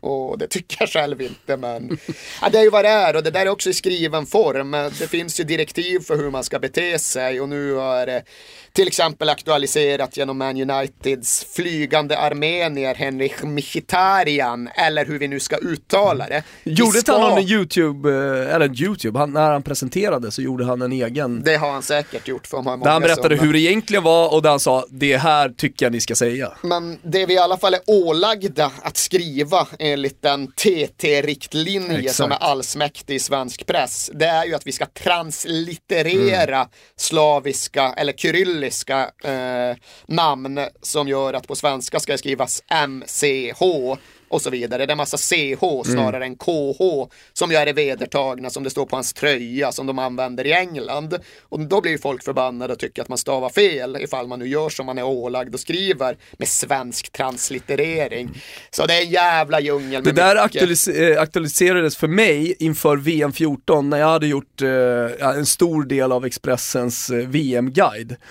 och då med alla ryska namn hade gjort fel. Så när jag liksom levererade materialet så fick allt skrivas om. Ja, för mig var det Shevchenko som eh, först gjorde, okej okay, jag ska skriva SJV, mm. jag ska inte skriva SCH liksom. Uh, eller SJ, men mm. Ja, det, där, det där misstänker jag att det är en större del i våra liv än i den genomsnittliga lyssnarens ja, liv. Ja, men bara för att förtydliga, jag tycker att Jesper har en jättebra ambitionsnivå, men jag, jag personligen är av åsikten att man måste kunna förstå att vi är svenskar, vi uttalar vissa saker på ett visst sätt och, och det är inte konstigare med det. Alla kommer någon alltså till slut nå en punkt där man inte vet hur det ska uttalas och därför måste Men jag gillar i alla fall att man har en hög ambitionsnivå, speciellt om man är Och det, alltså, har, jag, det har jag understrukit här. Eh, det är fortfarande just att saker sätter sig också. Roman Abramovic heter ju inte så. Han heter ju Roman Abramovic, för så uttalar man i Ryssland. Han är inte mm. polack där man tydligen hade pratat på ett annat sätt. En tumregel som jag brukar köra på det är att liksom, fattar folk vem det är du åsyftar så har du sagt rätt. Good enough liksom. Ja. De Bruyne eller De Bruyne. Är han eh, bäst i världen efter Ronaldo eller Messi? Hur ska du ha det? Nej, vad fan, jag får, eftersom det finns inget riktigt bra svar. Jag fattar såklart att Neymar och Suarez ligger högt på en sån här lista, men jag säger Gareth Bale för gamla tiders skull, för både det han gjorde för Real Madrids Champions League-vinst och för det han gjorde under EM och Wales väg dit. Jag hade kunnat säga Luka Modric för gamla tiders skull också, men jag säger Gareth Bale för att på något sätt ge folk någonting att bli sura på och därmed diskutera vidare. Vill Thomas kontra med någonting innan vi stänger Nej, den tycker, längsta faktarutan i Toto Balotos historia? Jättebra svar, alltså det Wales gjorde att gå hela vägen till semifinal och, så, och att de ens kom till EM var ju mycket tack vare Bale. Du och jag jobbade ju med det EM-kvalet. Ja, de vann ju alltid med 1-0, Bale gjorde målet. Ja, liksom. exakt. Väldigt många mål på, på huvudet också. Ja, han är oerhört stark på, på lite så här Ronaldo-sätt. Exakt, eh, så, nej men jag tycker att det är ett bra svar. Fan, Vi vad kom man- fram till det. Men man gillade ändå hur mycket han själv brydde sig Ja. och hur mycket, alltså det visade sig genom hela kvalet hur han just kunde kanalisera det i avgörande Ja. mål. Men sen också den där jävla semifinalen. När han är så jävla desperat. Alltså jag aldrig sett en spelare anstränga sig så mycket som Bale gjorde sista 20. Och visst, han blir överambitiös. Han sköt ju från 45 meter. Men det var fan inte att han inte brydde sig i alla fall. Mer om det här kanske vi får höra Erik prata om i eh, årskrönikan som, eh, som kommer om, eh, om, om två veckor. Eh, vi, vi stänger faktarutan, Ja. eh, det är dags. Thomas, det blev en väldigt lång faktaruta, väldigt matig, tycker jag är kul. Eh, Kommer man verkligen Erik på djupet. Ja. Eh, Men i och med att eh, tiden är knapp och den tickar väldigt snabbt så ska vi självklart få in några lyssnarfrågor. Kan vi inte, kan vi inte ta födelsedagsbarn kort bara?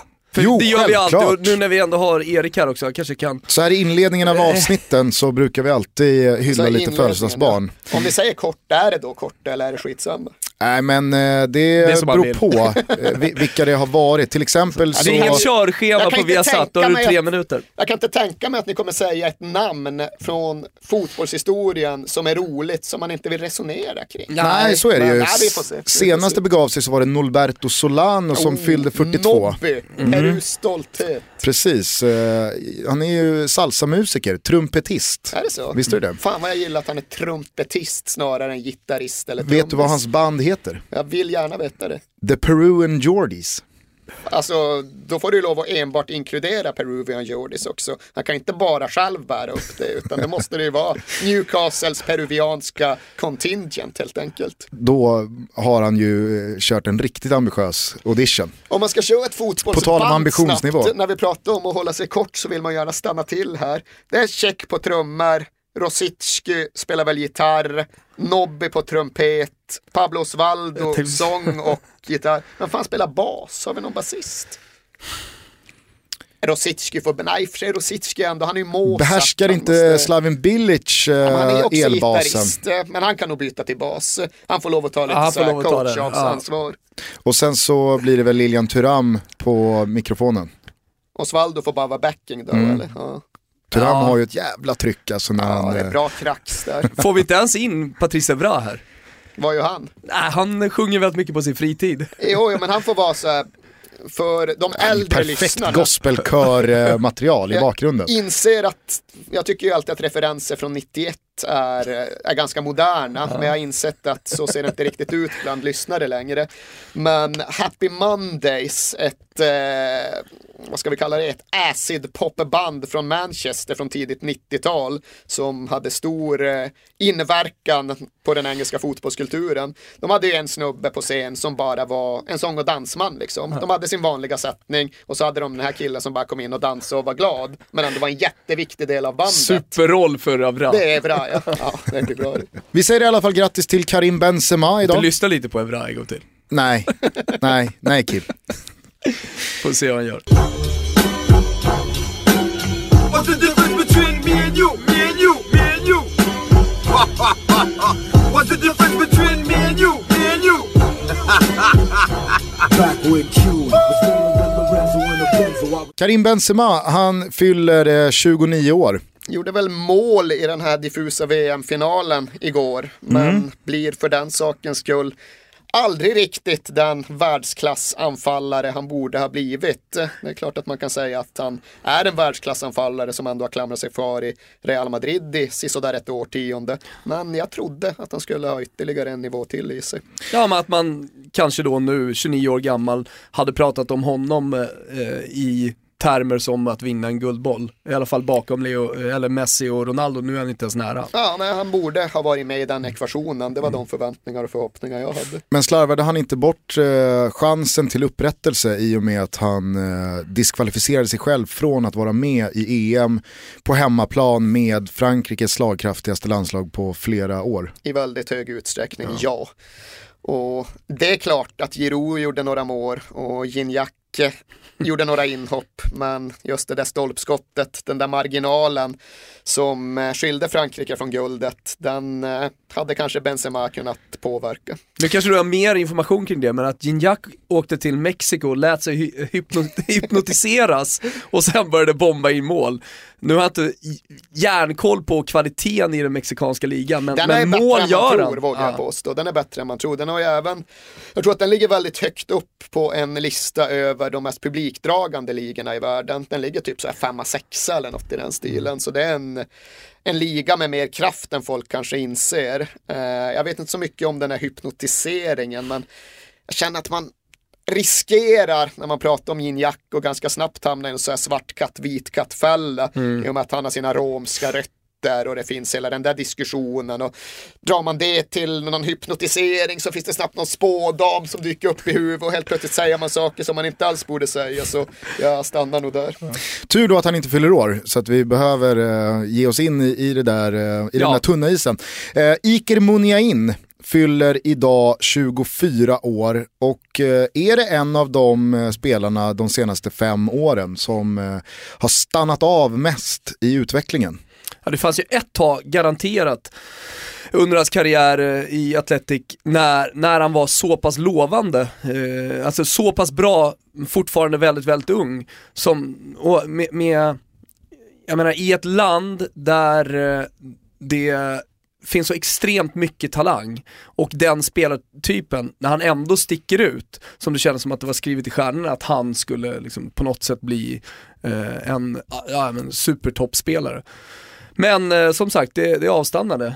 Och det är svårt att se att han då, att den, att den där karriären ska på, få sån fart att, att han ska komma tillbaka. Jag tycker han har varit bra under 2016, det tycker jag. Men visst, det är inte där heller. Det är ingen guldbollsdiskussion direkt. Och det är väl kanske så att hans skadeproblem var så stora att de påverkade honom konsekvent. Att det var någon procent som försvann där. Och de går ju aldrig att kompensera Samtidigt känns det alltid tråkigt att på något sätt sitta så här eller att eh, skriva av en spelare helt med en extrem talang. Det kan ju mycket väl vara så att han blåser upp när han är 26 och eh, pikar då så att säga i sin karriär.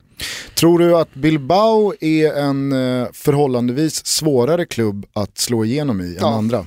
Tveklöst. Eller ja, både och. Alltså, de har ju naturligtvis en oerhört stor vilja att promota sina egna talanger, så på så sätt är den ju enklare.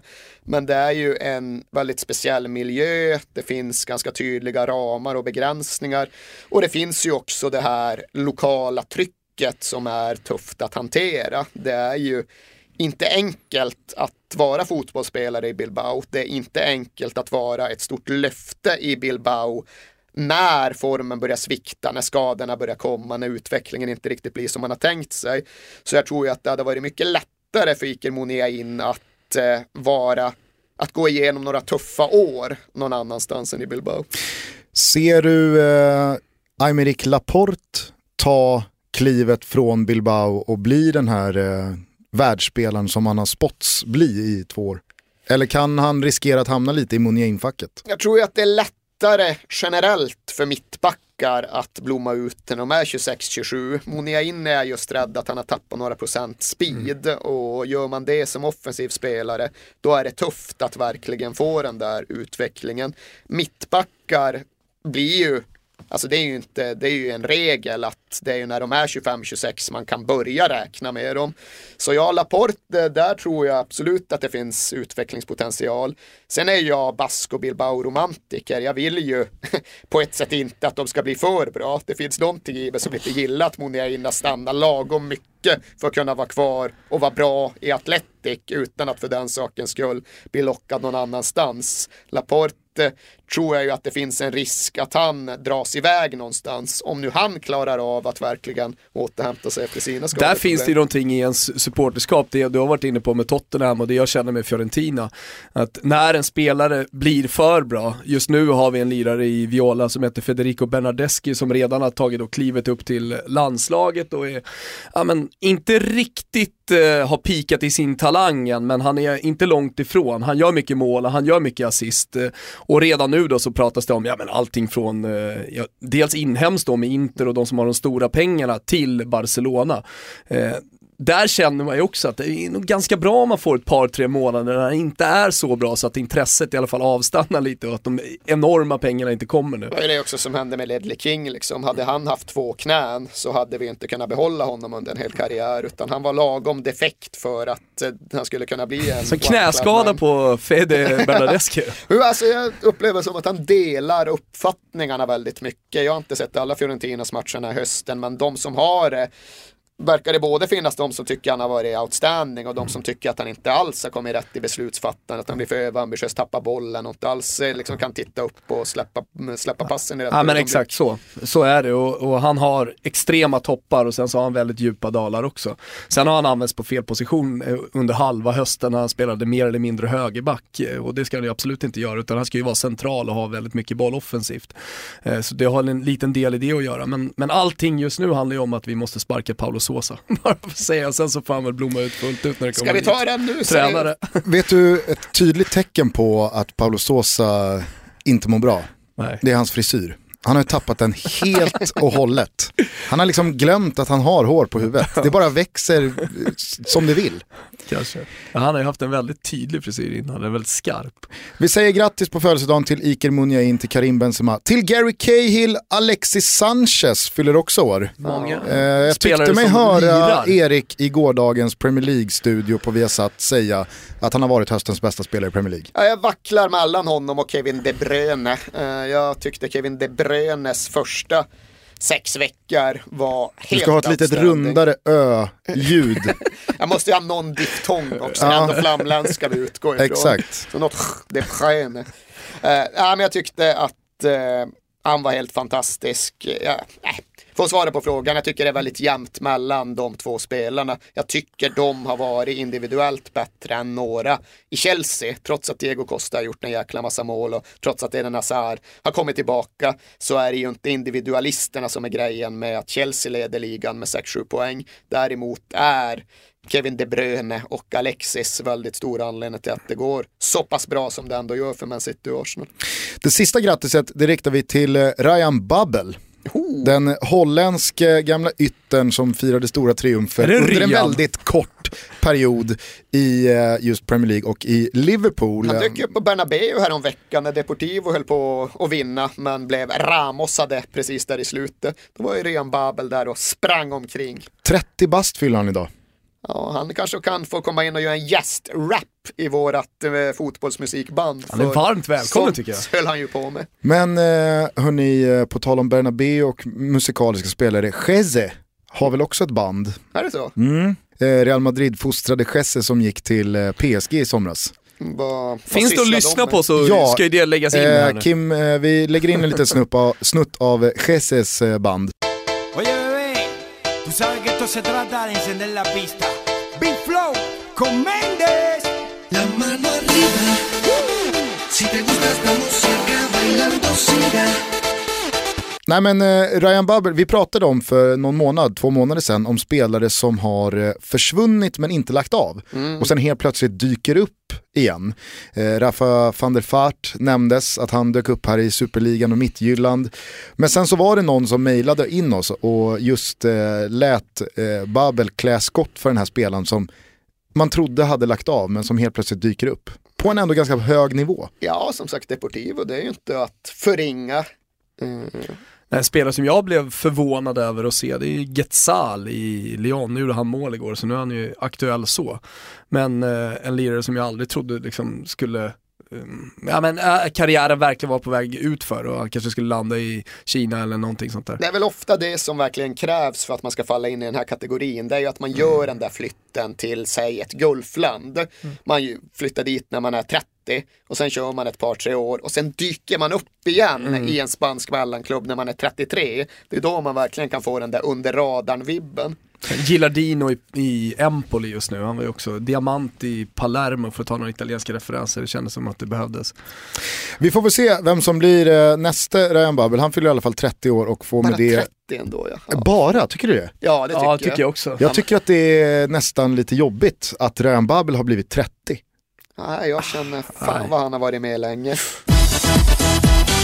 Och eh, så tycker jag att du och jag bara ska ta pulsen på Niva kring hur han känner eh, gentemot våra två utrikeskorrespondenter. Vi har ju en superutrikeskorrespondent eh, och så har vi ju en eh, Toto Balotto-favorit som heter Pontus Jansson. Du var nere och, ska vi börja i Leeds? kan vi göra, tycker jag. Du var nere och träffade Ponne. Ja, jag har svårt att säga nere om Leeds. Det är någonting just med den brittiska geografin att det är alltid Leeds är norr. It's grim up north. Liksom. Jag trodde, kom man från Malmberget så var liksom Allt. allt, Jo, neråt. så är det ju visserligen, men det är egentligen bara relaterat till den svenska geografin. Min brittiska geografi utgår ifrån White Hart Lane och då är nästan allt uppåt. Så Leeds är up north. Det går inte att åka ner till Leeds, man åker upp till Leeds. Okej, eh, på tal om petighet och ambitionsnivå här när man ska placera där sig i ändå. Det är inget jag säger är allmängiltigt, men det är min personliga hållning till saker och ting. Du åkte upp till Leeds för ett tag sedan och eh, träffade Ponne. Lite med, eh, vad det kändes i alla fall, eh, ambitionen att svara på frågan exakt hur stor är egentligen Pontus Jansson? Ja, det får man väl säga, även om det är en sån där ganska trött Eh, redaktionsfråga som jag säger, nej det är absolut inte det jag ska göra. Men det var det väl, det var väl ungefär det. Jag åkte ju inte dit för att eh, intervjua Pontus Jansson om vad han tyckte om Erik Hamrén. Det jag åkte dit för var väl egentligen för att försöka svara på varför Pontus Jansson har blivit så ohyggligt stor så fantastiskt snabbt. För han är ju enormt stor i Leeds. Annars är det ju ofta en sån där konstruktion som man kanske fastnar i som eh, svenskt medieföretag. Man bygger upp något utlandsproffs till att vara ofantligt populär och så åker man dit och så konstaterar man att folk tycker att tja, han är väl okej liksom, men det är varken mer eller mindre än så. Eh, det är inte så många utlandssvenskar som verkligen har hög stjärnstatus som är någon typ av kulthjälte eller som är sådär oerhört engagerande på varken ena eller andra sättet. Men allt det som har rapporterats om Pontus Jansson och Leeds stämmer ju. Det är nästan så att det generellt är underdrivet. Han har en ohygglig status där och han fick det på nolltid. Och det var väl just det jag var ute efter att komma åt. Vad är det som limmar så bra? Vad är det som har fått honom att tala till så många på ett så starkt sätt på ett så kort tid? Jag vet inte om du eh, försöker sälja in då att folk ska läsa din artikel eller vill det, du, vill det du ge får oss de ett svar? göra som de vill. Ja. Vill du ge oss ett svar på de här frågorna? Vad är det, Vad är det som gör det? Alltså, jag tror väl att man måste söka efter svaret i fotbollsstaden Leeds och dess identitet. Eh, och den är ju tudelad. Dels kan man gå tillbaks till det som verkligen är just klubbidentiteten, det som formades väldigt mycket under 1960 och 70-talen. Don Revis lag, det som kanske var bäst i Europa på sin tid, men som ändå inte fick något riktigt erkännande. Man konstatera att de vann, men man tyckte inte riktigt att de hade gjort sig förtjänta av titlarna. De var dirty leads. De stormade in i salongerna och smashade upp allt glas och stack med pokalerna som en tjuv om natten. Det var lite så etablissemanget såg på nykomlingarna, uppkomlingarna från Leeds. Och det där finns ju fortfarande kvar som en väldigt central tagg i inte bara Leeds Uniteds utan hela Leeds identitet.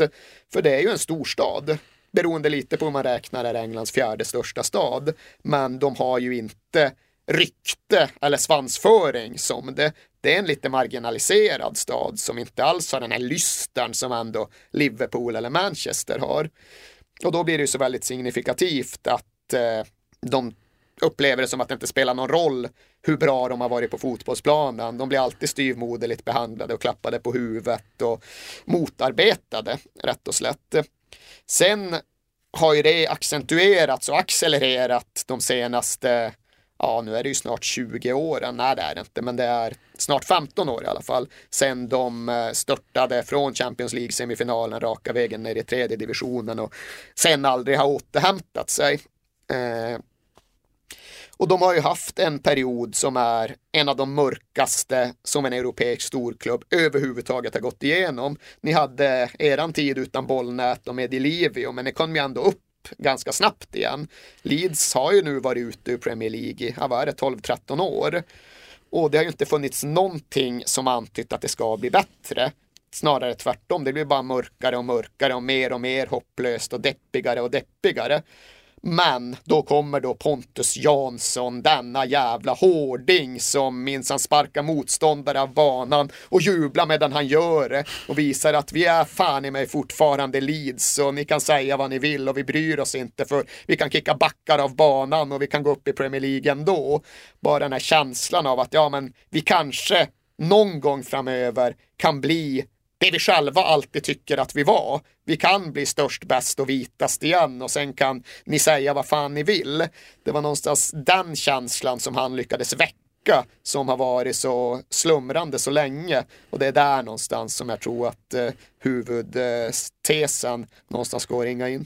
Det kanske är så enkelt att sådana spelartyper, för att Ponne har ju alltid haft det här draget, att spela med hjärtat utanpå. Eh, Verkligen. och det gick ju hem i Malmö, men där var han kanske lite för ung för att alla skulle älska det. Det finns ju någonstans- någonting svenskt i att Ja.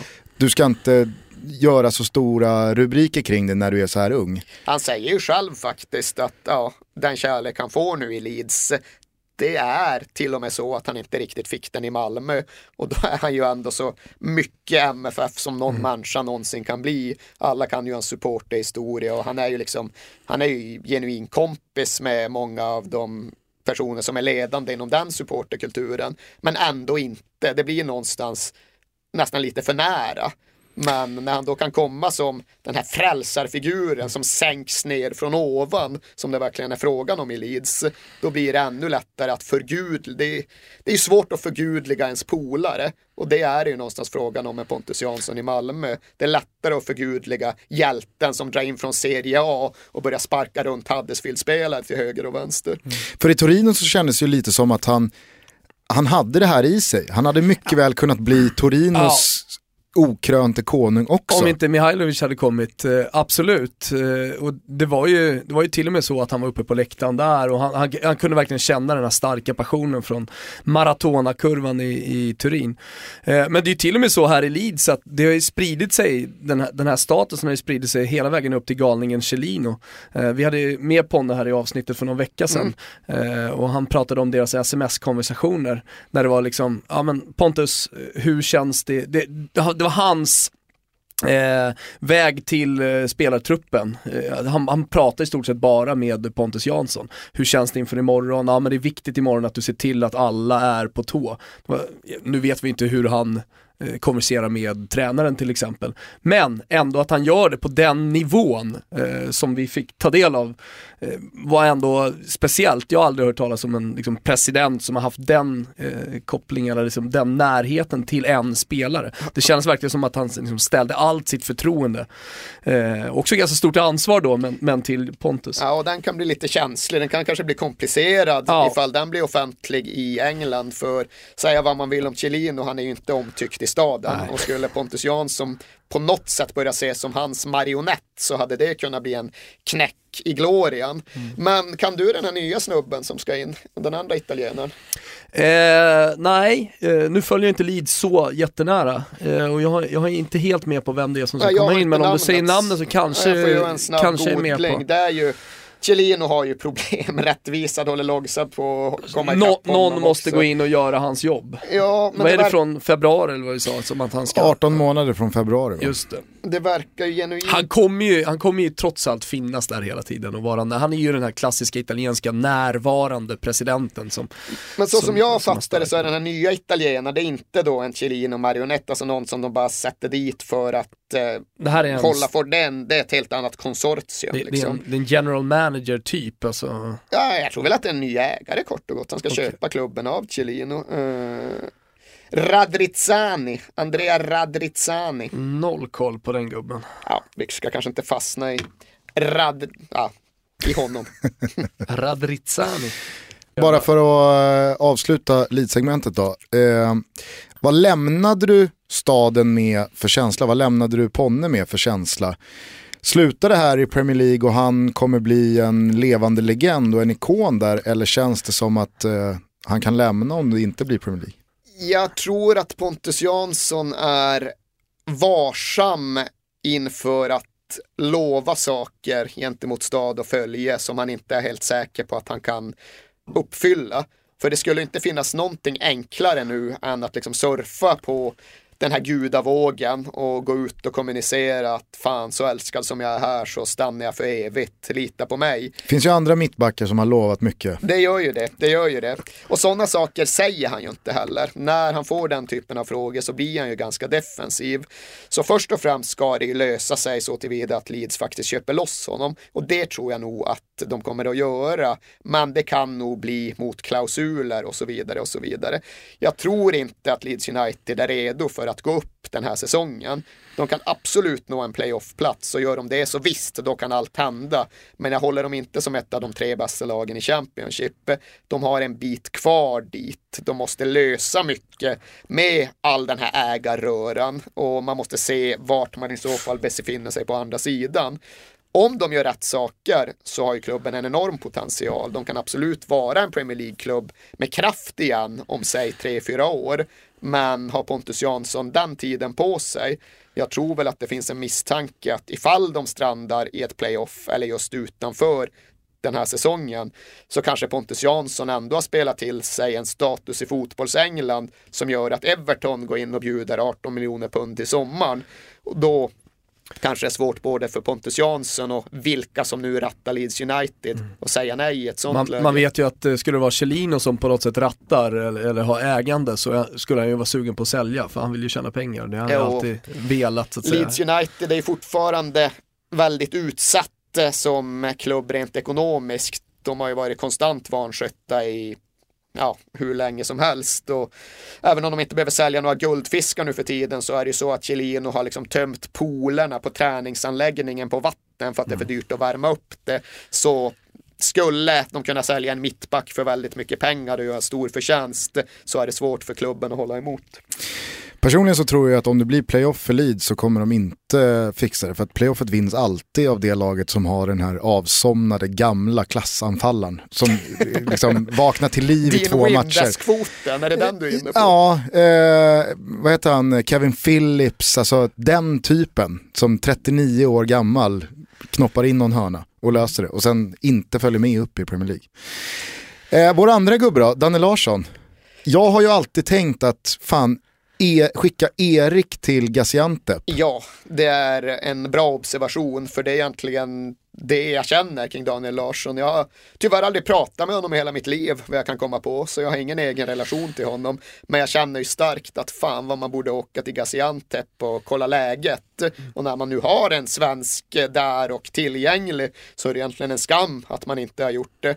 Eh, jag är ju väldigt fascinerad av den regionen rent generellt. Och för de som inte är bekant med det så är då Gaziantep en stad långt nere i sydöstra Turkiet som är rätt mycket Mad Max-land just nu. Det är ju så här laglöst territorium på gränsen mot Syrien. Det är ju väldigt mycket genom den staden som både IS-rekryter och alla andra tar sig in och ut ur kriget Syrien. Och vi hade ju en situation här för inte alls länge sedan eh, på ett kurdiskt bröllop i Antep eh, som, eh, ja, där, många dog helt enkelt. Ja, om jag inte misstar mig så var det precis i anslutning till det som Dalkurds lagkapten Pesha Azizi befann sig precis bara i anslutning till det här bröllopet. Han hade varit i typ den lokalen och sysslat med hjälparbete och förnödenheter etc. etc. bara några timmar tidigare. Så han undkom verkligen med blotta förskräckelsen. Jag tror att det är samma bombattentat vi pratar om. Och vi kan ju eh, bara då förtydliga att eh, Gaziantep eh, är staden som inhyser laget Gaziantepspor som våran gubbe Daniel Larsson spelar i. Och det är 7-8 mil bara ifrån Aleppo som är ju den staden som dominerar Nyhetsflödet, därifrån. Så att det är ju bara en eh, 45 Ändå. minuter därifrån. Ännu närmare till Kobane som dominerade nyhetsflödet för något år sedan. Men då tar vi det så att du gärna hade åkt ner. Tveklöst. Till Danne. tveklöst.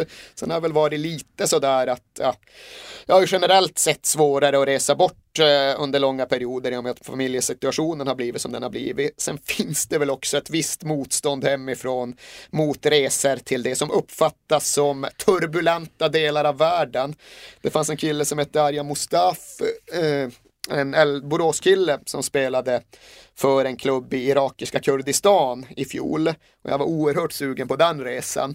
Men den mötte visst motstånd hemifrån. Där var det också bara några mil till Mosul från eh, liksom den Irak-kurdiska gränsen. Och det finns någonting i det där att även om det inte är bakom krigslinjerna, det är inte vid skyttegravarna så är det ju mycket stökigt folk i omlopp och går man runt och ser ut som jag gör och är allmänt oförsiktig så finns det en kidnappningsrisk som faktiskt inte går att bara låtsas som att den inte existerar.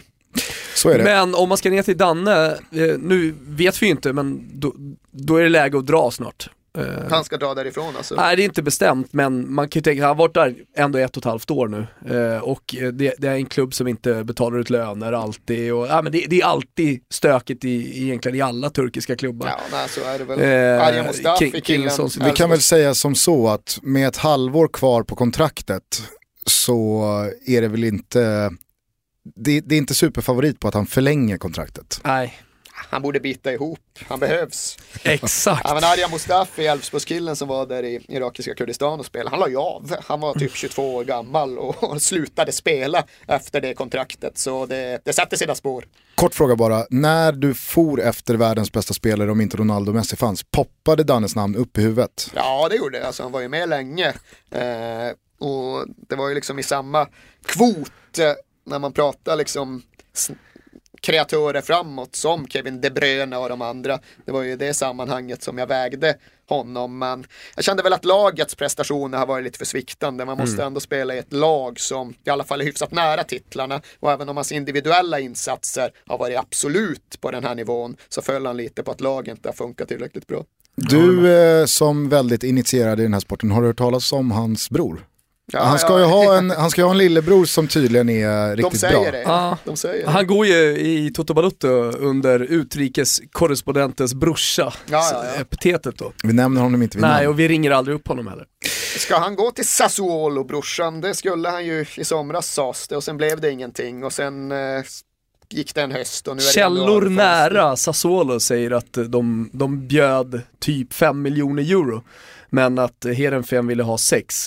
Problemet nu efter den här går återigen då, ytterligare succéhösten så, hade, eh, så har ju priset gått upp Mm. och Sassuolo betalar ju normalt sett inga eh, superpengar, alltså över 10 miljoner euro så blir det lite tufft för dem även om de har en potent ägare. Eh, och eh, med landslagsspel också så har hans aktier eh, bl- blivit eh, ännu dyrare så att säga. Det känns Men- väl lite som att Korrens brorsa kan sikta högre än ett Sassuolo som går Absolut. halv kraftgång och åkte ur Europa League också. Man vet ju att han har haft också väldigt eh, nära kontakt med eh, Atalantas ägares fru. Oh, som man har. Ja, Hur såg och- den kontakten ut? Nej, det var, det, var, det var daglig kontakt jag har hört. Alltså, ständigt sådär telefonsamtal. Bara men, för att liksom... ja, men, alltså, såhär, de var aldrig riktigt nära på att matcha varken lön eller, eller pris från eh, Heerenveen. Men presidentens fru ringde. Presidenten ringde- pallar inte att ringa. Nej, för han kan ingen engelska. Ah, Nej, så då fick frun ringa Ja, som, då som var bra på engelska. Men eh, vad var det jag tänkte säga?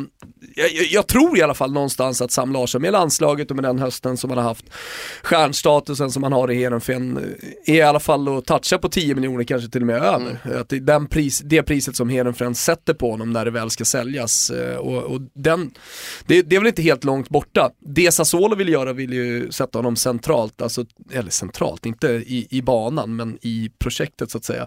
De sålde Sansone tror jag till, till, till Spanien och då skulle Danne Larsson komma, äh, Danne ska inte komma någonstans, eh, Sam Larsson komma in istället. Vet man vad Blåvitt har för procent på honom? Eh, det vet man nog inte, Eh, vi får ringa disco på den frågan. Ja, det får vi fan göra. Ja, vi ringer ju inte Sam. Nej. Han har ingen aning. Nej. Hörni, eh, vi har varit igång så länge här nu i det här avsnittet så att jag tycker att vi eh, helt enkelt gör så att vi lyfter över lyssnarfrågorna till den årskrönika som eh, ni kommer få höra den eh, 3 januari. Eh, så att vi eh, ska börja runda av det här avsnittet. Har Erik fnulat fram en låt som han gärna går ut eh, på under sin eh, Toto Balutto-debut? Ja, alltså jag sa ju det där att det där är en så stor fråga så att ni borde ha hört av er i tid. Det är ingenting man bara kan haspla ur sig. Eh, Men när ni först nämnde det så kände jag att okej, men vi kör World in Motion med New Order, Englands VM-låt från VM 90, för det är ändå den definierande fotbollslåten på något sätt. Men sen började ni snacka om att det skulle vara någonting från 2016, kvarstår det eller? Gusten Ja, det, prata om det är då till nästa avsnitt. Det är till nästa avsnitt, så då kör vi här en låt vilken nu som. får du välja vilken World som. in Motion med New Order, Englands VM-låt från 1990, VM i Italien, då den engelska fotbollen någonstans vände uppåt igen, då den blev hipp och eh, accepterad igen. På gott och på ont ska sannerligen sägas. Men det var Gassa och det var tårar och det var Gary Lineker som gjorde mål mot Kamerun. Och det var John Barnes som rappade i World in Motion. Catch him if you can, cause he's an Englishman. Sen så eh, säger vi tack till Thomas Tack. som har varit med också. Ja. Eh, det börjar verkligen dra ihop sig eh, för knappkampen här nu så vi önskar dig lycka till sista dagarna. ja, jag kör hårt. Vi har också en liten julklapp till dig Erik. Vårt älskade Andys frukt med Tony Bacci i spetsen har ju tillsammans med Christian Borell och eh, fotografen Bobo under året knåpat ihop mästerverket Unaltro Giro som nu finns i fysiska exemplar. Jag kände själv på en igår på Rish under Arja Piccola.